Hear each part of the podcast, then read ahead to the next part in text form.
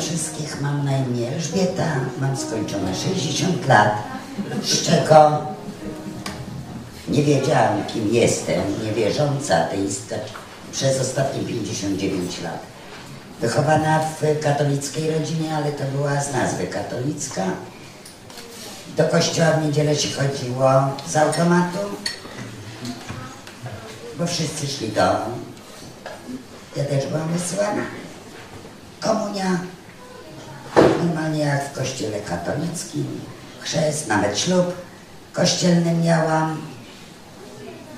W latach 80. sama zrezygnowałam z chodzenia do kościoła, bo zaczynało być bardzo politycznie, a nie było tam nic oprócz polityki i wytykania, kto ile dał w czasie kolendy, kto za mało, kto za dużo i takie tam rzeczy, czyli nie wnosiło do mojego życia to nic. Dwukrotna mężatka, dwa razy rozwiedziona. Sama wychowywałam czwórkę dzieci i generalnie mogę powiedzieć, że całe życie było, to tak się mówiło, po świecku, podwórkę. Nic się nigdy nie, uda, nie układało, za to same przeszkody były. W 2004 ekonomicznie zmuszona zostałam do wyjazdu za granicę.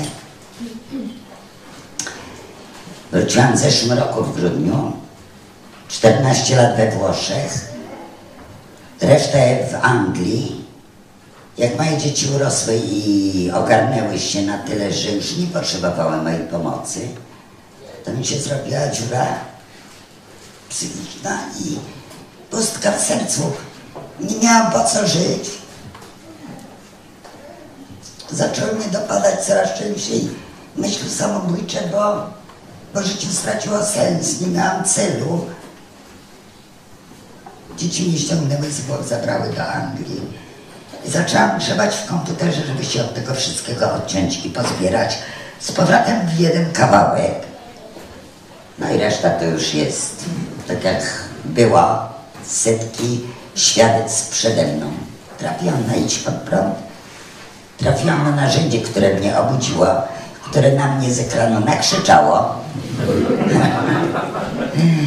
I tym krzykiem mnie parę razy poderwało, ponieważ nie miałam ze sobą Biblii, a nawet gdybym miała, to bym tego narzędzia nie kontrolowała, bo byłam świadoma, że to narzędzie mówi prawdę, jeżeli pokazuje, gdzie to jest napisane, to nie kłamie, bo przecież każdy z Was by otworzył Biblię udowodnił, że mówi nieprawdę.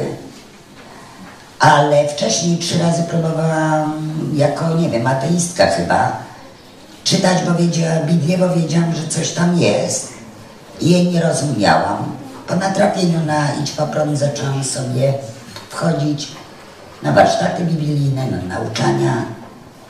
I tak było przez pół roku, aż wróciłam z Anglii do Polski, wzięłam Biblię do ręki i najpierw ostatnią księgę przeczytałam, a potem dopiero od początku Biblię do końca.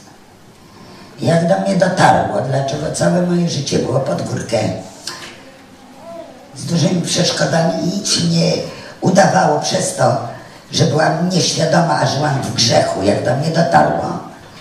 No, no to zrobiłam to, co powinnam zrobić ileś lat temu, czyli zawołałam do Jezusa o ratunek, żeby mnie z tego wyciągnął. Wyciągnął mnie i jestem dzisiaj tu, gdzie jestem.